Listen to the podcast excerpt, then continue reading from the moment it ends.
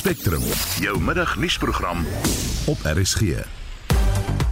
Goeiemiddag in vandag se program. Omgewingsorganisasies betoog landwyd teen die vernietiging van oseane. Die SAIK het binnekort 12 nuwe raadslede. Ons vind meer uit oor wie die kandidaate is. En 3 dae voor die spertyd vra die parlement nou vir nog 'n uitstel vir die wysiging van die kieswet.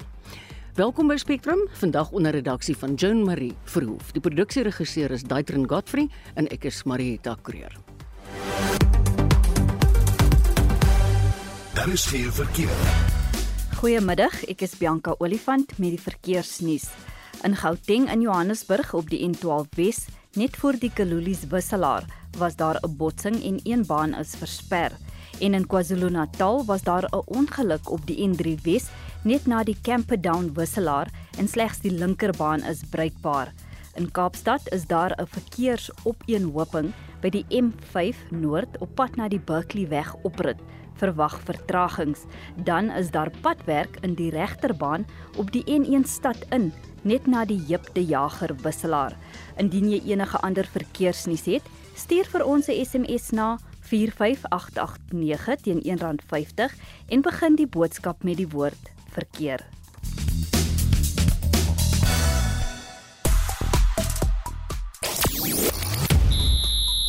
In vanmiddag se sport, die voormalige wêreldnommer 1 Novak Djokovic van Servië begin sy 2023 ATP seisoen in Adelaide en die vroue sonskynreeks se 2023 kalender word bevestig.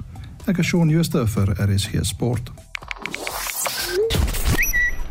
In sosiale media praat mense hieroor onder die hitsmerk Stage 6.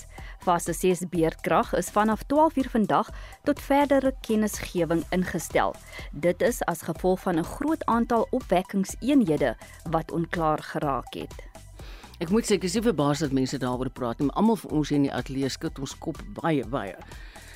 Wat sal ek tog sê, moedeloos. Nou, die jongste binnelandse toerisme syfer wys 'n toename in binnelandse toerisme van 2020 tot 2021. Onthou gerus Suid-Afrika was in hierdie tyd nog in die greep van COVID. Nou die aantal daguitstappies het in die tyd vreeslik toegeneem van 12,4 miljoen in 2020 tot 16 miljoen in 2021. Dink gerus terug aan 'n jaar of 2 gelede en vertel ons graag van jou reiservarings tydens COVID en wat jy daarvan gehou het al dan nie. Stuur gerus vir ons 'n SMS na 45889. Hulle jaag jou so rond 50 in die saak. Kyk. Praat gerus saam op ons Facebookblad of WhatsApp ons 'n stemnota na 076 536 6961. Jy luister na Spectrum. Elke weekmiddag tussen 12 en 1. Welkom terug by die program. Dis nou 8 minute oor 12. Die konstitusionele hof het die parlement in Junie 2020 2 jaar kans gegee om die kieswet te wysig om dit vir onafhanklike kandidaate moontlik te maak om aan die nasionale en provinsiale verkiesings deel te neem. Die spertyd is reeds tot 10 Desember verleng. Maar die portefeulje komitee vir binnelandse sake het gister 'n dringende aansoek in die konstitusionele hof gebring dat die spertyd weer uitgestel word. Die keer tot Februarie volgende jaar. Die onafhanklike verkiesingskommissie het gewaarsku dat 'n verdere uitstel gevolge kan inhou omdat die OVK nie voldoende tyd gaan hê om voor te berei vir die 2024 verkiesing nie. Ons praat nou met Outa se parlementêre waarnemer en navorsingsbestuurder Rachel Fisher. Goeiemôre Rachel. Goeiemôre Marita en ook goeiemôre aan ons luisteraars. Gaan die publiek toegelaat word om nou weer kommentaar te lewer op die wysigings in die wetsontwerp? Gelukkig en daarvoor is ons dankbaar want eerstens sou hierdie nie ter tafel gewees het nie maar as gevolg van die advies van die staatswetadviseur en die parlementêre wetsadviseur was hierdie baie sterk aangemoedig. Dus um ook gister toe die dringende aansoek ingedien is, het die uitnodiging ook uitgegaan aan die publiek om hul kommentaar in te dien en hierdie sperdatum is die 27ste Januarie van volgende jaar. Nou die portefeulje komitee wou aanvanklik die wysigings deurvoer sonder openbare kommentaar. Wat gaan nou die gevolg hiervan wees? Wel, gelukkig doen hulle nou hierdie proses, maar kyk, daar was omvangryke veranderinge vir volgens die nasionale raad van provinsies se uh, kieswet wet van werk proses. En as gevolg van hierdie veranderinge moes dit nou weer deur die openbare um, proses gegaan het mm. vir kommentaar. Mm. Andersins wat kan gebeur is en hierdie was die advies van die wet adviseer dat parlement kan moontlik aangekla word van benagting van die hof indien dit nie hierdie proses gevolg word nie. En onthou ook, indien hierdie sou gebeur en die verkiesings gaan voort in 2024, kan dit maklik ook in gedring kom. Nou, waar kan die Rachel die mense wat nou luister, die publiek, waar kan hulle kommentaar lewer? Baie baie goeie vraag Marita en dankie dat jy dit vra. Ek sal graag wil aandui en motiveer aan die luisteraars vir alles daar regslei is wat tans ingeskakel is om op te gaan lees hieroor en kommentaar te lewer. Nou alles is skriftelik en elektronies. Dus is dit 'n brief en dit word ge-e-pos. Ek het eintlik die besonderhede aan die RSG span gedeel en hopelik word dit op die webblad mm. Sowel as sosiale media platforms gedeel. Ek wil ook sover gaan om te sê indien daar enige verdere navrae is of lede van die publiek wil om advies vra, asseblief besoek Outa se webblad en reik uit na ons toe, want ons werk saam met verskeie burgerregtelike organisasies juis om die regs en prosesproblematiek hmm aan te dui en aan te spreek. Dis baie gaaf van julle want ek dink luisteraars sal makliker met julle skakel en dan kan julle hulle sommer in die regte rigting help. Nou 'n verdere ja. uitstel van die kieswet plaas tog wel druk op die OVK ten opsigte van sy voorbereiding, soos jy nou ook genoem het, van die 2024 verkiesing. Dink jy daar sal dalk 'n moontlikheid wees dat die verkiesing later gehou word? Ja moontlik. Kyk, so vir die OVK het hulle verkieslik tussen 18 en 24 maande nodig om mm. die noodsaaklike voorbereiding te tref. Nou, u sal onthou dat gewoonlik geskied ons nasionale en provinsiale verkiesings in Mei van die jaar. So die kans is goed hierdie mag dalk uitgestel word tot Augustus maar dit sal nie verder byvoorbeeld na 2025 uitgestel kan word nie. Baie baie dankie. Dit was van Outa se parlementêre waarnemer en navorsingsbestuurder haar inset Rachel Fisher. Die 12 name, o, wag 'n bietjie, wag 'n bietjie, laat ek net 'n bietjie kyk. Het ons nou die SAK spelletjie. Goed, nee, maar dan is dit goed want ek wil graag hoor wat sê hulle. Die 12 name van die kandidaate vir die nuwe SAIK raad is na maande deur die Parlement se nasionale vergadering goedgekeur. Groot druk rus op die skouers van die nuwe raad omdat die openbare uitsaaiers se vermoë om voort te bestaan steeds deur talle belanghebbendes in twyfel getrek word. Raadslede sluit in die SAIK se voormalige nuushoof, Patiswa Magopeni, 'n voormalige SAIK-joernalis, Renay Horn, en die voormalige hoof van journalistiek aan Wits, Frans Kreur. Die name van die 12 raadslede moet nou aan president Cyril Ramaphosa gestuur word sodat hulle aangestel kan word. En ons praat hier oor met die direkteur van die Media Waghond, Media Monitoring Africa, William Bird. Goeiemôre William. Hallo, goeiemôre. Thanks for having me on the program. Kom ons begin heel voor. Wat presies is die rol van die SAIK raad? So it's really there to provide strategic guidance and overall uh, ensure that there's good governance, that the SABC complies with its mandate, and that it's able to function as an ongoing and growing concern.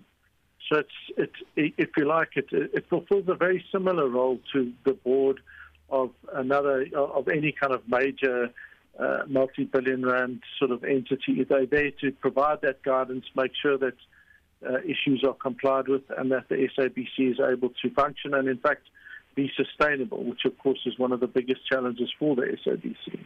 Nou die SAIK het nou vir 'n hele ruk lank sonder 'n raad gefunksioneer. Hoe belangrik is hierdie raad wat nou sy rol inneem en wat dink jy behoort hulle grootste prioriteit te wees?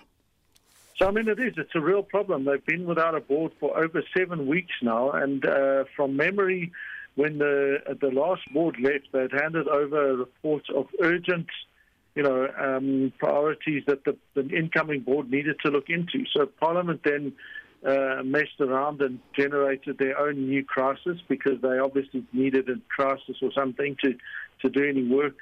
Um, and as a result, the SABC has not had a core board for over seven weeks. Now, mm. if you mm. imagine any major media, you know, entity, let alone the public broadcaster, uh, without a board, it's going to have significant consequence. Even though you've got you know, a very capable senior executive team in place, they're not there to be doing the role of, of, of, what a board should be doing, especially when you're seeing uh, critical issues around the financial sustainability, mm.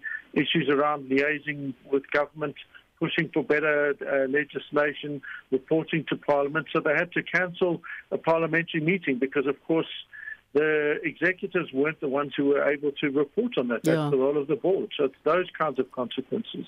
William, as jy nou so na die lys name kyk, reken jy hulle is goeie kandidaate? Ons sien byvoorbeeld Patricia Magopeni wat deel is van die raad. Sy ken tog die werksaamhede van die SAIK baie goed.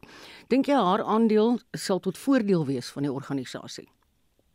So look, I think it's a really uh, important thing that someone with a very recent experience is actually there. Mm. Um, and what is clear about uh, Ms. Mogopeni is that she's firm about independence of uh, the SABC and SABC News. I think her together with someone like uh, Professor Franz Kruger and Renee Horn uh, and, a, and, a, and a couple of the others who've got experience in the sector are, are going to hopefully make sure that the independence of the board continues to be reasserted and that uh, you know SABC News and its credibility continues to grow and, and, and deepen because that's one of the key things that mm. the SABC does for uh, South Africa as a whole. If they're able to do that, then that'll be really good. What worries me is, is that there are a few candidates there who, uh, you know, seem to be a little bit too closely aligned uh, to government. Uh, you know, it emerged uh, recently that Mr. Importeru is one of those who uh, was is also currently an advisor to uh, the Department of Communications and Digital Technologies, and that obviously is, uh, raises some questions yeah. and, and, and conflicts of interest. Dat definitief. Die SAIK is steeds in 'n benarde finansiële posisie, soos jy self net nou gesê het. Watter veranderinge sou die raad eers te kon maak? So, you know, they really are, to this extent, the SABC's caught between a rock and a hard place. They've seen advertising revenue fall significantly over the last uh, couple of years, thanks, no doubt, also to COVID. But we also know that the minister then shuttled five provinces and they've lost audience share in those five provinces because of the, um, set, the audio uh, analog signal. So we can expect that the financial scenario for SABC is going to get significantly worse. And that is going to happen whether you've got the best board in the world or the mm. worst board in the mm. world. So they are really in need of some creative solutions, and those things have to come from government. The big problem we face is that we were meant to see a new version of the draft white paper in June this year that would start to look at some of the structural issues, and that still hasn't emerged. Instead, what we're getting, Cabinet announced it uh, a week and a half ago, a new SABC broadcast bill. The last bill they introduced was completely out of touch with reality, so let's ja. hope that they've listened and will give us something better. Ja, onthou ons sit hier aan ontvangkant, so ons weet. Die raad word dikwels beskou as die hekwagter van 'n organisasie. Sou die nuwe raad 'n totale ommekeer kon gee aan die SAIK, selfs 'n nuwe gesig, 'n nuwe baadjie? No, they can, you know, and we have to hope that they that that they need to and that they will assert the independence of the of the SABC. They've just launched SABC Plus. That's a really key uh, development and innovation. We hope that the new boards with some good ideas and abilities to make the SABC sustainable and, and, and highlight to everyone why a public broadcast is such a, a key part of, of democracy. If they can do that, you know, that'll already be taking us down a, a far more constructive path, especially as the politics falls apart around it. Kan ek jou net vra vir interessantheid, na die president nou die name goedgekeur het, hoe lank vat dit voor die raad regtig waar kan begin met hulle werk? You know, once he once the president gets the names, he can take, you know, sometimes he takes a short period, sometimes a couple of weeks, sometimes a bit longer to announce them and he's got to then pick a, a, a chair and a deputy chair. Once he's announced those things, those people can actually go uh, straight to work. I mean, I think that there's some contracting, but it mm. should be uh, a matter of days and not, uh, not weeks, weeks, You know, so Good. with a bit of luck, yeah. Uh, you know, that can all still happen well before we all uh, head off to. have a summer holiday or before the ANC implodes. Hoewel ek dink daar's vreeslik baie pos op die oomblik op die ja. president se ja. lesenaar as jy my vra. Maar baie dankie William vir jou insig. Dit was die direkteur van Media Monitoring Africa, William Bird. Spectrum, jou middagnuusprogram op RSG. Welkom terug so 20 minute oor 12.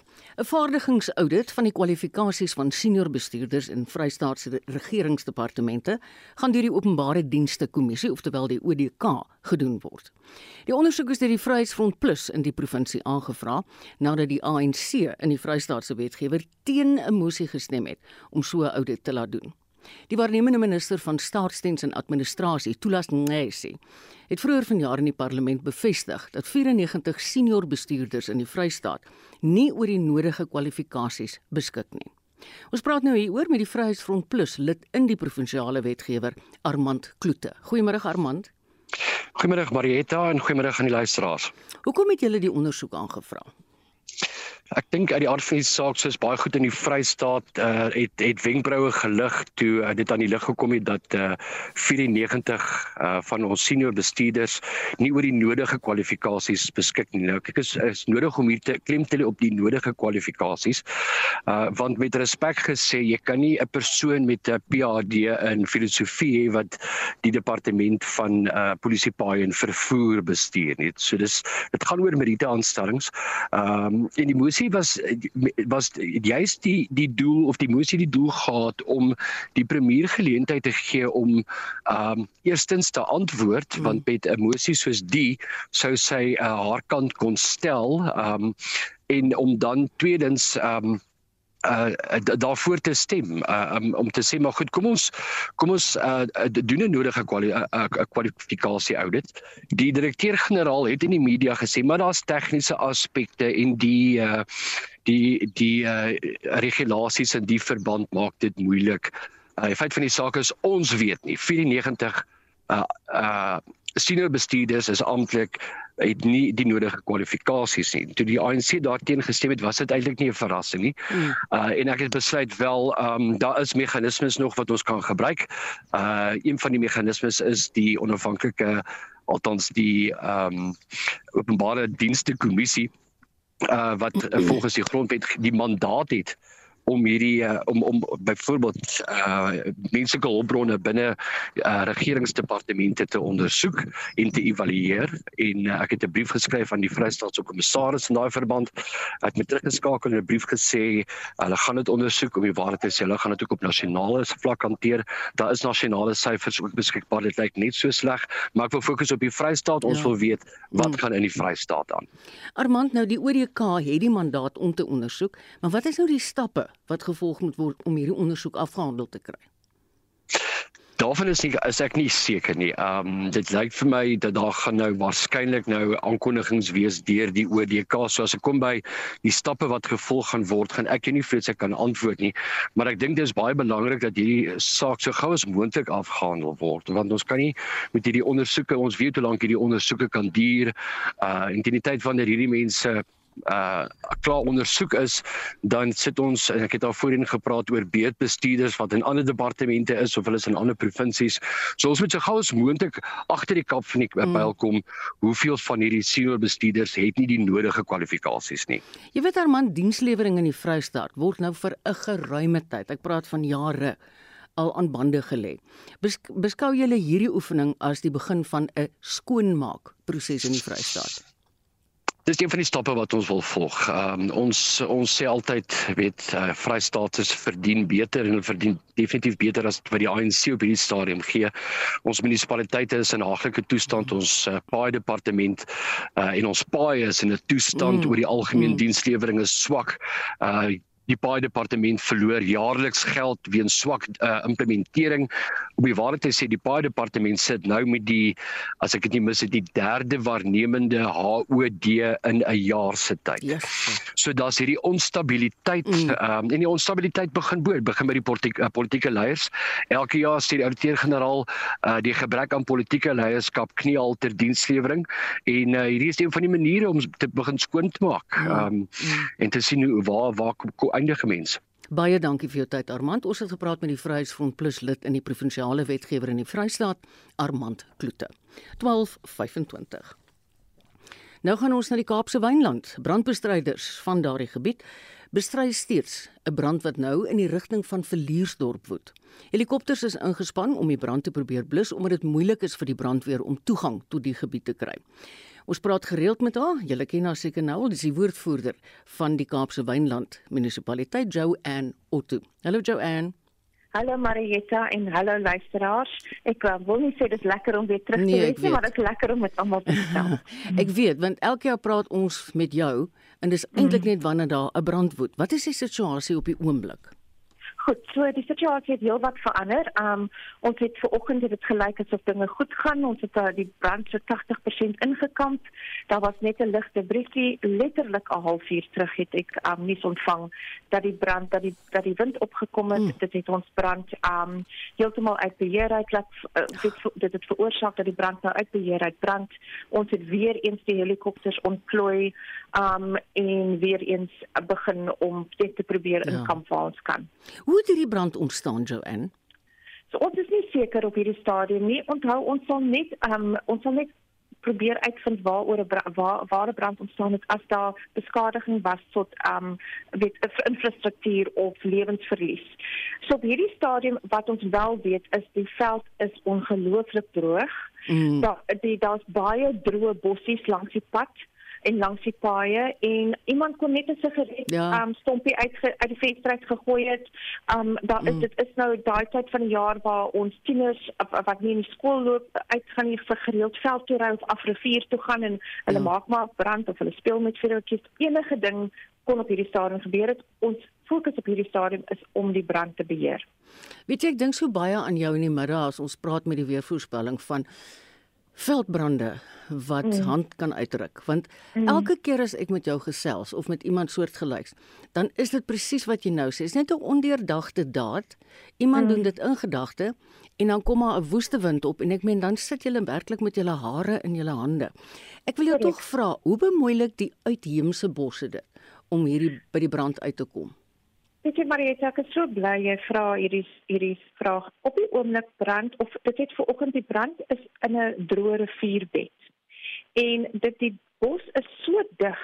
Dit is gemengde uitheemse bosse, dis bloekom, black wattle, Port Jackson.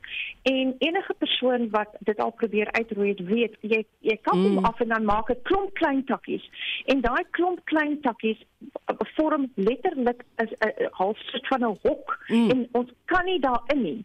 En wat gebeur is dat die brand onder die um onder in die in die droë afdelings die blare en en en, en so aan wat afgeval het Ja. van die grond het dit ontstaan daar, maar ons kan nie by die brand uitkom om dit uit te om dit te blus nie want ons kan nie by die digte bos inkom nie. So dis die een ding. En die ander ding is die feit dat die rivierbed droog is ja is as gevolg van die uitheemse Ja. plante groei. Want ons weet 'n bloekom, 'n Port Jackson black wattle drink Mm. ongelooflik baie water elke dag. Jy weet baie Mm. mense weet dit nie maar 'n doeteenvoudige beefoot, 'n beefoot boom, ek is nie seker wat die Afrikaanse woord is nie, maar dit kan tot 80 liter water 'n dag drink. jo So dit is so uiters belangrik dat mense na hulle na hulle velde kyk. So as jou huis teen 'n veld um 'n grens is dit so belangrik dat jy maar die moeite doen en jy um maak dit skoon vir 'n rukkie uh, weet vir 'n 'n- 'n area tussen jou en die Ja. veld sodat dit half 'n brandbaan Ja. skep. ja Maar die ander ding is natuurlik dat mense wat grond eie grondeienaars het, um of grondeienaars is, hulle veld onderhou. Daar is soveel geleenthede vir mense om daai um om daai uitheemse bosse na in brandhout te verander en om dit dan um te verkoop. Ja. So dit is een opsie. Die ander ding is natuurlik dit is deel van die rede hoekom hierdie brand nou um ons hom 'n bietjie gelos het is as die as daar 'n brand is dan maak dit die veld skoon dit is ook So, waar ja jy- jy weet so ons Mm. mm. ons moedig nie moedig dit aan nie vir vir heaven's sake nie moedig Mm, aan nie mm, mm. maar ons um o, o, o, ons brandweerspanne het nou probeer dat dit nou soveel as moontlik van die uitheemse uithaal sodat die um sodat die inheemse Ja. um plantegroei weer kan Mm. mm. oorneem. Joanne, net so ter afsluiting, kan jy vir my so 'n algemene idee gee wat vermoed julle is die omvang van die skade? Op hierdie stadium is daar geen skade aan infrastruktuur nie. Okay. Um om om 12 uur was daar geen um geen skade aan enige plase wat wat op wat grens aan die area nie. Mm. So dit is regtig waar net uh, ons brandweerman het my gesê ja en dit vuil grond. so op hierdie stadium is dit vuil grond wat beskadig is, maar ons is nie seker van hoe ver, hoe groot daai area is op hierdie Goed. stadium nie, want onthou dit is nog 'n aktiewe brand. Ja. So ons Ons Veral kan nou nou. nog nie Mm. sê nie. En um, jy weet ons is nou bekommerd oor die oor die oor die weer. Dit is 30 grade daar buite. Jo. Dit is die wind waai. Um so dit, ons weet almal, jy weet 'n brand het net 'n Mm, bietjie wind mm, nodig. mm. Um so ja, ons is bietjie bekommerd oor die Ja. ene. Ja, en sterkte vir jou want ek weet in hierdie tye praat baie mense met jou en wil op hoogte gebring word. Dit was die woordvoerder van die Kaapse Wynland Distriksmunisipaliteit, Joanne Otto. Jy luister na Spectrum. op RSG. Kom ons kyk wat lê nog voor in ons program. Die familielede van twee voormalige veldwagters verskyn in die hof in verband met die verskaffing van inligting aan stroper syndikaate. Nooddienswerkers hervat die soektog na vermiste lede van 'n kerkgroep wat deur die Jukskei rivier meegesleer is. En nie-regeringsskuilings vir slagoffers van geslagsgeweld gaan gebuk onder 'n gebrek aan befondsing. Ons nooi jou, bly gerus ingeskakel. Daar is geen verkeer. In Gauteng in Johannesburg was daar 'n botsing op die N3 Suid net voor Linksfield weg. Drie bane word versper. Dan in KwaZulu-Natal op die N3 Oos, net na die Pavilion wisselaar, staan 'n vragmotor in die linkerbaan. En in Kaapstad staan 'n voertuig in die linkerbaan op die N2 stad uit net na Rapenberg weg.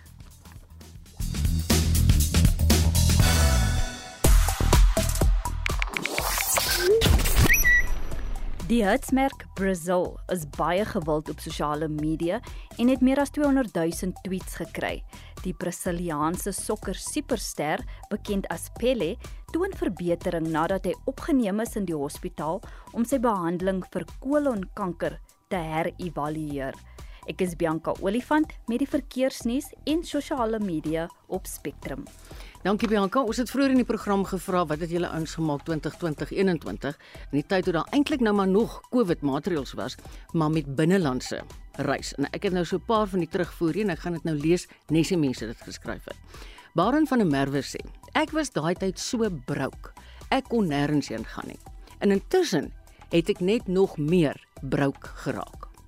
Bets Ferreira sê ons was elke jaar net na die COVID opheffing Wildtuin toe, vanjaar weer. Desember bly ons tuis en oorweeg uitstappies na die monument, Cullinan, Harties ensovoorts. Sy sê ons mis glad nie die streng maatreëls nie. Randy Young, sies tog man, hy sê my uitstappie daai tyd vir 3 maande was na die hospitaal en 'n rehabilitasiesentrum vir COVID. Glad nie aangenaam nie, maar prys die Here, ek is daardeur. Luka Weyers, dit was so lekker om so teen skemer te ry. Die stilte kalmeer 'n mens vreeslik. Maar talle van die plekke is so verskriklik duur. Dis amper dubbel die prys nou. Loret Smit sê, die stilte na 10uur in die aand was salig. Sy sê van die pryse van sommige daguitstappies is skandelik duur. Sy sê as 'n gesin byvoorbeeld by die waterfront se akwarium besoek aflê, is almal se vakansiesak geld op. Ja, hulle maak ongelukkig so ons is jammer om dit te hoor. En nou is dit tyd vir sportnuus met Shaun Jooste. Ons begin met tennisnuus. Die voormalige wêreldnommer 1 Novak Djokovic van Servië begin sy 2023 seisoen by die Adelaide Internasionale Toernooi en beoog ook om sy 10de Australiese Ope titel in te palm nadat hy die Grand Slam in 2022 weens wisselprobleme moes uitsit. Organiseerders van die Adelaide Internasionale het 'n sterk lys van spelers vir die mans en vroue toernooi bekend gemaak. Nog 'n voormalige wêreldnommer 1, Daniel Medvedev van Rusland, sal ook in aksie wees terwyl 4 van die wêreld se top 10 vroue spelers ook in Adelaide sal speel. Die Australiese Ope vind tussen 16 en 29 Januarie in Melbourne plaas. Op die cricketveld gaan die Aussie kaptein Pat Cummins die tweede en laaste toets van hulle reeks teen die Windies misloop. Steve Smith sal die span in sy afwesigheid aanvoer. Die 29-jarige snelbouler word deur Scott Bolland in die span vervang. Australië is 1-0 voor in die reeks na oorwinning van 164 lopies in die eerste toets. Die Aussies het ook al 10 hul dagnag toetse tot dusver gewen en beoog om die onoorwonde status te behou wanneer die tweede toets môreoggend 6:00 Suid-Afrikaanse tyd in Adelaide begin. Daar word verwag dat Cummins gereed sal wees vir die eerste toets teen die Proteas op 17 Desember in Brisbane. En in die plaaslike momentum eendagreeks pak die Knights en Westelike Provinsie mekaar van 1 uur af in Bloemfontein by die Mangaung Oval. En laastens in golfnuus, die vroue sonskynreeks het 6 toernooie vir hul 2023 seisoen aangekondig. Dit sluit twee toernooie in wat deel vorm van die vroue Europese toer. Die seisoen begin op die 1 Februarie in Sun City by die Supersport Vroue Uitdagtoernooi en eindig op 11 Maart by die Investec SA Ope. Suid-Afrikaanse voorste vroue speler Ashley Buy, 'n Britse Ope kampioen, is vir die toernooi bevestig en beoog om haar 4de SA Ope titel in te palm. Baie dankie dit is Shaun Jooste van RSG Sport. Jy luister na Spectrum. Op RSG. Hierdie storie kom nou al 'n rukkie aan in die nuus. Maar vandag sluit kleinskaalse vissers aan by omgewingsorganisasies en aktiviste in 'n landwyse protes teen die vernietiging van ons see's. Betogers reg oor die land wil bewustheid skep oor die regering, sowel as die olie en die gasbedryf wat nou bewering nie die klimaatskrisis ernstig opneem nie. Die gemeenskapsuitreik koördineerder vir The Green Connection, Neville van Rooi, sluit nou by ons aan. Hallo Neville. Goeiemôre aan jou en goeiemôre aan die luisteraars en dankie vir hierdie geleentheid. Neville, wat is presies julle doelwit met hierdie protes? Ons doelwit is om sterk boodskappe uit te stuur na die regering en die oliemaatskappye soos Total en Shell om hulle plundering in ons oseane te stop weens ons is in 'n klimaatsveranderingskrisis en ons wil duidelike boodskappe uitstuur dat daar is mense wat afhanklik is van die oseaan. Ons glo dat ons oseaan moet beskerm wees dit moet skoon gehou word en dat ons wil ons oseaan beskerm vir uh, huidige en toekomstige generasies mm. en ons het die reg tot 'n skoon oseaan volgens die konstitusie van Suid-Afrika Ja, dit is interessant wat jy nou sê Neville want kyk, kleinskaalse vissers werk elke dag met die see. So ek meen ek kan nogals verstaan dat hulle redelik sterk voel daaroor. Wat kan jy ons byvoorbeeld vertel as 'n voorbeeld hoe die klimaatskrisis reeds gemeenskappe se lewensbestaan beïnvloed? O ja, inderdaad, daar sal reeds komplikasies uh, wat daarmee gepaard gaan. Ons ek maak 'n duidelike voorbeeld van die snoekseisoen wat uh, in die Weskus so populêr is. Mm. Was hierdie jaar baie baie skrams gewees as juis as gevolg van klimaatsverandering alreeds en boonop dit was daar 'n olieriek wat in Hondeklip Baai aangekom het mm. en dit het die vissers 'n uh, geweldige grief en frustreer om dan by hierdie um vang aksies uit te kom uh, om net brood op hulle tafel ja. te sit. Ja. Dit is 'n bedreiging tot mense se voedselsekuriteit. Um ons het 'n reg tot 'n uh, 'n goeie voedselsekuriteit en 'n uh, plaaslike ekonomie wat nou uh, uh, op risiko is as gevolg van hierdie maatskappye wat nie mense se regte respekteer nie. Mislaan uitlik jou hande soms saam. Baie dankie vir die goeie stryd wat julle stry. Dit was Neville van Rooi, die gemeenskapsuitreik koördineerder vir The Green Connection. Nie regeringsskuilings vir slagoffers van geslagsgeweld sê die menseregte skendings wat hulle aanteken is ongeëwenaard. Tog ontvang hulle landwyd nie genoeg subsidies om hulle werk voort te sit nie. Vincent Mofokeng het meer. Lisa Wetten, 'n navorsingsgenoot by die Wits Universiteit se Sentrum vir Ongelykheidstudies, skets 'n donker prentjie vir skuilings vir vroue en kinders. If a woman is able to leave, it means that she will no longer be beaten, and just as importantly is that her children will no longer be exposed to violence. And we have a lot of research that talks about how children witnessing violence between their parents, also being abused by their fathers, there is a real risk that you have a situation where boys grow up, become perpetrators, and girls become victims. So shelters help in so many different ways, and they are, you could actually say, an investment in the future, precisely because of the way in which they reduce and prevent future violence. Wetten sê daar is 'n tekort aan skuilings vir slagoffers van geslagsgeweld en die befondsing van die departement van maatskaplike ontwikkeling dek net 'n klein deel van skuilings se operasionele kostes. It gives them a subsidy and expects them to be able to raise the funds themselves. Since the COVID lockdown, it's become incredibly difficult. They receive no extra funding from governments to help them through the lockdown. At the same time, with all the traditional sources of additional funding, weren't able to do the kinds of fundraising they did or said, look, we, we ourselves are under bad economic circumstances and we can't help you. Sy doen ook 'n beroep op Suid-Afrikaners om skuilings te ondersteun. Whether it is by providing clothing, food, training jobs, but just as importantly, can you help fundraise for those shelters? Because at this point, nobody has come up with the magic solution that eradicates violence. And we need shelters. So I think there's a real need for people to engage in fundraising activities that can help support shelters or can help them spend or can help provide them with things that they don't have to spend money on. Wetten is boonop van mening dat al die geld wat op byeenkomste gespandeer word, eerder by skuilings aangewend word. How useful are these? They cost a lot of money. I am quite sure that the recent summits at the beginning of November must have cost well over a million rand. On a million rand, you can run, depending on where you are in the country and how many women and children you take, you could run three shelters for a year. Dit was Lisa Wetten, 'n navorsingsgenoot by die Wits Universiteit se Sentrum vir Ongelykheidstudies. Vincent Mufokeng, SAK nuus. In die lig van wat nou gesê is, een van die land se grootste nie-regeringsorganisasies wat skuilings aan slagoffers van geweld bied, die Saartjie Baartman Sentrum vir vroue en kinders, moet voor die einde van die jaar 2 miljoen rand insamel om sy deure oop te hou. Die direkteur, advokaat Benedien Bakker, het aan Vincent gesê die staapsubsidies is eenvoudig te min. In essence, the Saki Bartman Center is funded by the Department of Social Development as are most shelters in the country. That funding amounts to about 30% of what we need to keep the doors open every year. My deficit every month is half a million rand. So I have a yearly deficit of 6 million rand. Sy sê noodbefondsing vir skuilings in die privaat sektor is broodnodig. We also had one of our programs made budget cuts to that, that funding this year. We also are having, like everybody else, to contend with soaring prices of basic goods. At the Saki Barton Centre, we need to raise 300,000 Rand over the next couple of weeks. In November 2021 kon die provinsiale departement van maatskaplike ontwikkeling 25 skuilings vir slagoffers van geweld en mishandeling finansier. Die swak ekonomie beperk egter die regering se vermoë.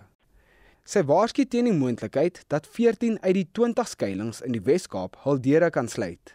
Government at this moment in time themselves don't have the financial wherewithal to fully fund shelters and or any other NGOs. The solution is actually quite easy. The private sector needs to come into the room. What do we need to do, for instance, how much does the Saki Bartman Centre need to keep running optimally for the year? That solution obviously alleviate all the difficulties at the centre, but in addition to that, it's really important for them to do it because a large proportion of their workforce is made up of women, and a large proportion of our women are subject to gender-based violence. Dit was advokaat Benedien Bakar, die direkteur van die Saartjie Baartman Sentrum vir vroue en kinders. Bakar sê verder, sakeondernemings weet gewoonlik nie waar om te belê nie. Dit is waar die regering 'n groot rol moet speel. Ek as Vincent Mufokeng vir SAK nuus. Die Wêreldwetenskapforum vind die week in Kaapstad plaas. Dit is die eerste keer dat die byeenkoms op die vasteland van Afrika plaasvind en afgevaardigdes van meer as 100 lande woon dit by. Joan Marie Verhoef doen verslag. Voedselsekerheid, toegang tot skoon drinkwater, stygende energiekoste, siektes en armoede. Dis net van die uitdagings wat deur die wêreld in die gesig gestaar word. En volgens president Cyril Ramaphosa is die Wêreldwetenskap Forum 'n geleentheid om oplossings daarvoor te bespreek. Science progresses when nations work together. As this is the first World Science Forum to take place in Africa, we hope that it will contribute to advancing the African agenda for science, as well as affirming the crucial contributions Africa has to make in enriching global science. Ramaphosa sê die belangrikheid van internasionale samewerking is tydens die vervaardiging van COVID-19 en stowwe op die proef gestel. Today, science more than ever is called upon to assist humanity in responding to the key challenges of our time including disease, climate change, as well as food insecurity. We therefore need to ensure that this forum will not only be platform for vibrant debate and discussion, but will also lead to concrete actions suggestions, and solutions that harness science as an instrument for social justice.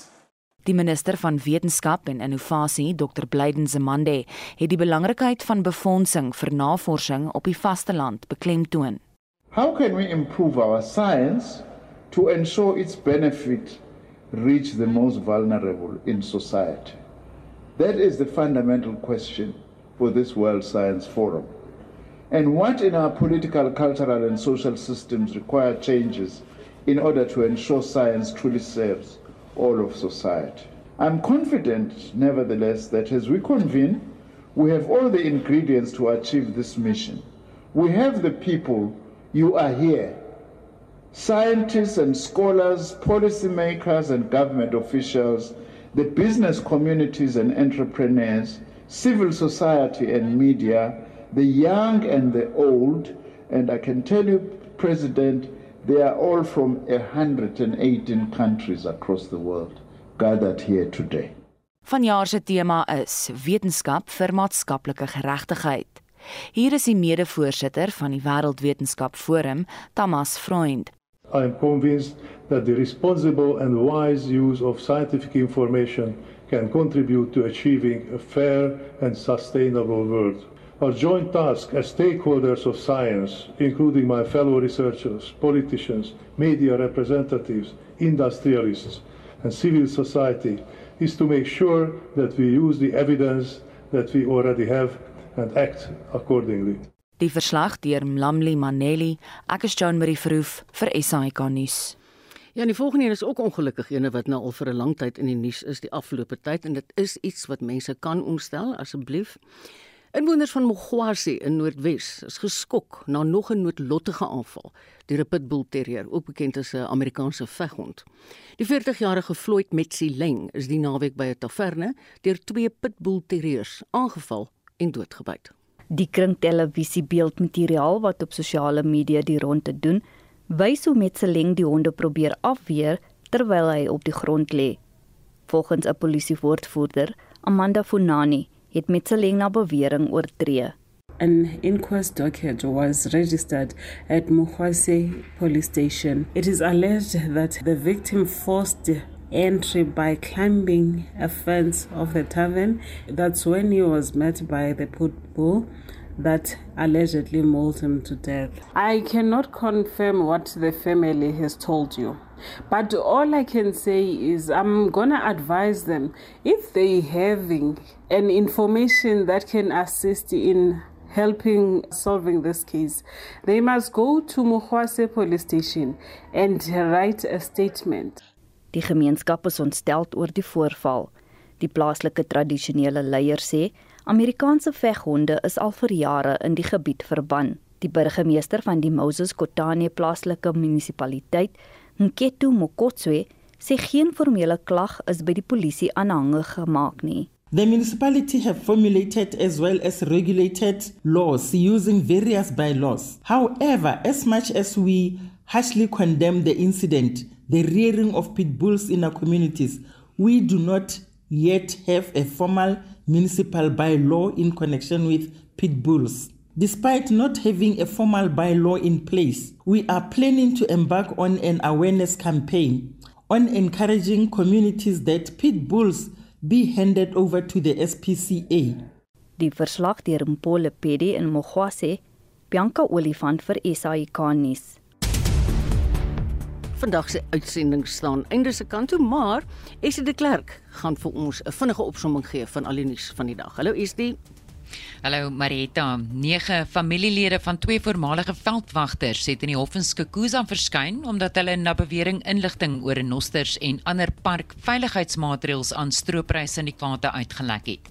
Shikwa David Maluleke en Solly Ubisi, albei voormalige veldwagters in die Nasionale Kreer Wildtuin, is vroeër vanjaar vir stropery vasgetrek. Die woordvoerder van die Wildtuin, Ike Pathla, sê die twee se familielede het na bewering geld ontvang vir die inligting wat hulle aan syndikaate gegee het.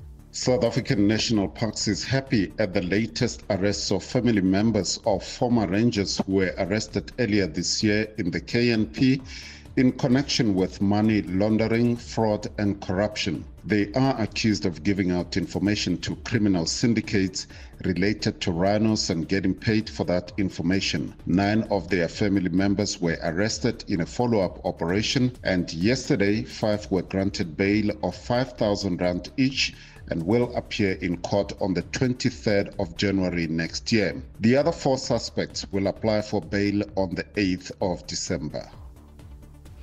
Die soektog na ten minste 3 vermiste mense wat Saterdag in 'n vratsoorstroming deur die Jukskerivier meegesleer is, het hervat. Die slagoffers was deel van 'n doopdiens wat by die rivier plaasgevind het en die soektog moes Maandag afgelas word weens erge storms in Johannesburg. Tot dusver is die lyke van 14 mense opgespoor. Hier is die woordvoerder vir Johannesburg se nooddienste, Robert Malutsi.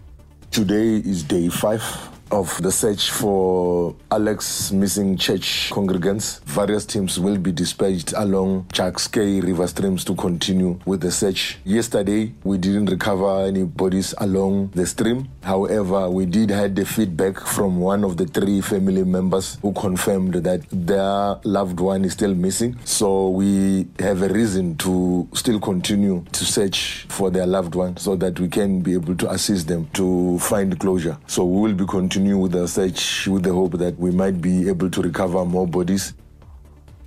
Die parlementêre portefeulje komitee van binnelandse sake het gister 'n dringende aansoek by die konstitusionele hof ingedien om die sperdatum vir wysigings aan die aan die kieswet um, wetsontwerp tot Februarie volgende jaar uit te stel. Die verkiesingskommissie het vroeër gewaarsku dat 'n verdere uitstel gevolge kan inhou vir die voorbereiding van die 2024 verkiesing. Hier is Alta se parlementêre waarnemer Rachel Fischer. Fischer. Ook op 6 Desember het die portefeulje komitee van binnelandse sake 'n uitnodiging versprei vir openbare deelname. Die sperdatum hiervoor is 27 Januarie. Hierdie is as gevolg van die omvangryke veranderinge wat gemaak is tydens die nasionale raad van provinsies se proses. Hierdie veranderinge, sowel as die uitstel, het potensiële implikasies op die 2024 verkiesings. En hou jou beerdkrag skedule dop. Eskom het net na 12:30 vanoggend aangekondig dat fase 6 beerdkrag van 12:00 vanmiddag af toegepas word tot verdere kennisgewing. Die woordvoerder Sekonati Manchancha sê dit is weens talle eenhede wat sedert middernag onklaar geraak het en om maatreëls na te kom om die noodopwekkingskrag wat wel in die kragnetwerk beskikbaar is te kan bestuur. So Marita, op vlak 6 word beurtkrag soms tot 4 ure op 'n slag toegepas. Weet jy, ek, ek het net nou na daai push op my foon gekyk en ek moet vir jou baie eerlik sê dis presies wat met my vandag gaan gebeur. Hy's op 'n kol vir 4 ure af en ek is net dankbaar dat in die nag terwyl ons slaap. Dankie vir daai opsomming Estien. Jy kan na enige van ons vorige uitsendings gaan luister op potgooi rsg.co.za En moenie vergeet nie, brandpunt is kwart voor 6 in die middag. Smelt dit so lekker as 'n vinnige, deeglike opsomming van al die dag se nuusgebeure. Dis tyd om te groet. Ek groet namens die uitvoerende regisseur Nicoline de Wee, vandag se redakteur was Joan Marie Verhoef en die produksieregisseur Daitrin Godfrey. Ek groet tot 3 uur in Spitsbergen en die Kaap. Sit Penorent, hulle is gereed vir ons met die 1 uur nuus en natuurlik daai heerlike 360 wat daarna kom. Ons hoop jy gaan die res van die dag saam met ons hier by RSG geniet.